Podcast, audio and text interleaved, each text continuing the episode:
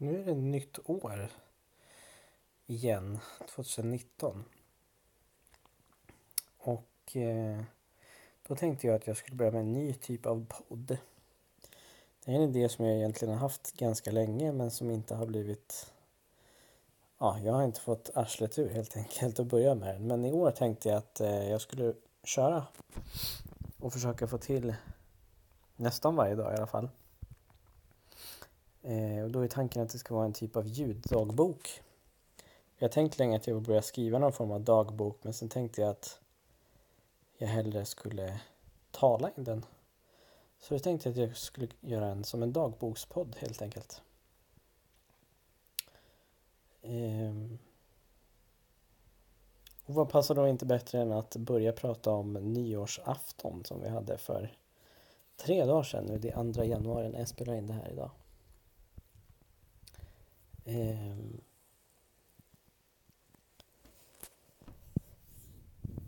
För det första hade jag jättetrevligt. Vi var och firade hos ett par kompisar i, i Nyköping.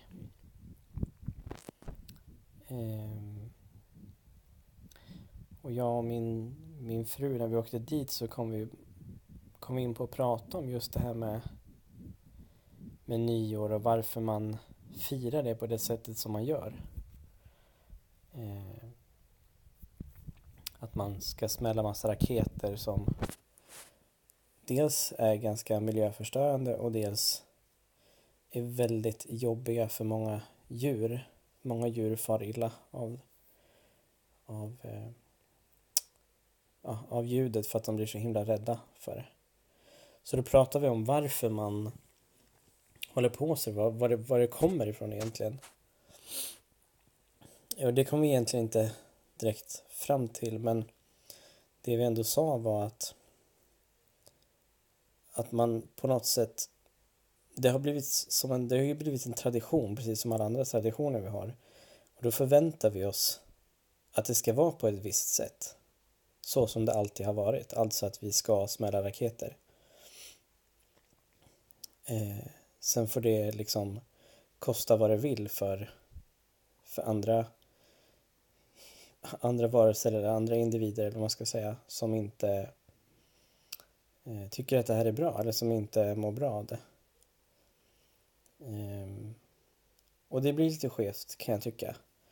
För jag tror att det är väldigt viktigt att överhuvudtaget, inte bara när det gäller nyår utan alla saker, att man vågar ifrågasätta och eh, försöka se saker ur nya perspektiv. Så framförallt när det gäller traditioner och vanor och sånt som man har skapat. För det här är ju, det är ju, en tradition är ju en typ av vana som har blivit för att man har gjort samma sak år efter år efter år. Eh, och enda anledningen till att man tycker att det ska vara på ett visst sätt då är just för att man har gjort det så många gånger. Så att då förväntar man sig att det ska bli så igen. Och vi alla vet ju att vi människor tycker att det är väldigt jobbigt med förändring. Eh, vilket gör det väldigt svårt. Men eh, jag skulle ändå önska, och vi pratade om det också, att, att man vågade ändra på det här. Eh, att man slutade skjuta raketer helt enkelt. För varför gör vi det egentligen? Jo, vi gör det för att fira in det nya året. Eller kanske fira bort det gamla, jag vet inte, det beror på hur man ser det. Men det finns så många andra sätt man skulle kunna göra det på istället för att skjuta raketer som skrämmer djur och som är miljöförstörande och som dessutom skräpar ner för det är väldigt många som inte tar upp sina raketrester dagen efter sådär. Eh, vi sa så här, man skulle kunna ha en eld egentligen. Man skulle kunna elda precis som på valborg. Det är ett alternativ. Eh, men sen kom våran kompis med ett annat jättebra förslag tyckte jag. Det var en ljusshower. Det är helt ofarligt tänker jag. Det behöver inte låta överhuvudtaget. Men det är fortfarande jättevackert. Eh, Sen är väl kommer jag att tänka på nu, pengafrågan också en stor del i att man fortsätter med det här för att det har blivit som en industri för att folk köper så mycket raketer och så. Men det är lite tragiskt som sagt. Jag tror att det är viktigt ändå att vi, att vi vågar ifrågasätta och se på våra vanor ur ett annat perspektiv. För att någonstans kunna, kunna utveckla vårt sätt att leva Eh, och förbättra vårt sätt att leva. Så det gäller ju inte bara nyårsraketerna som sagt. Ehm. Det var väl egentligen det jag hade tänkt att jag skulle börja med det här börja den här nya podden med.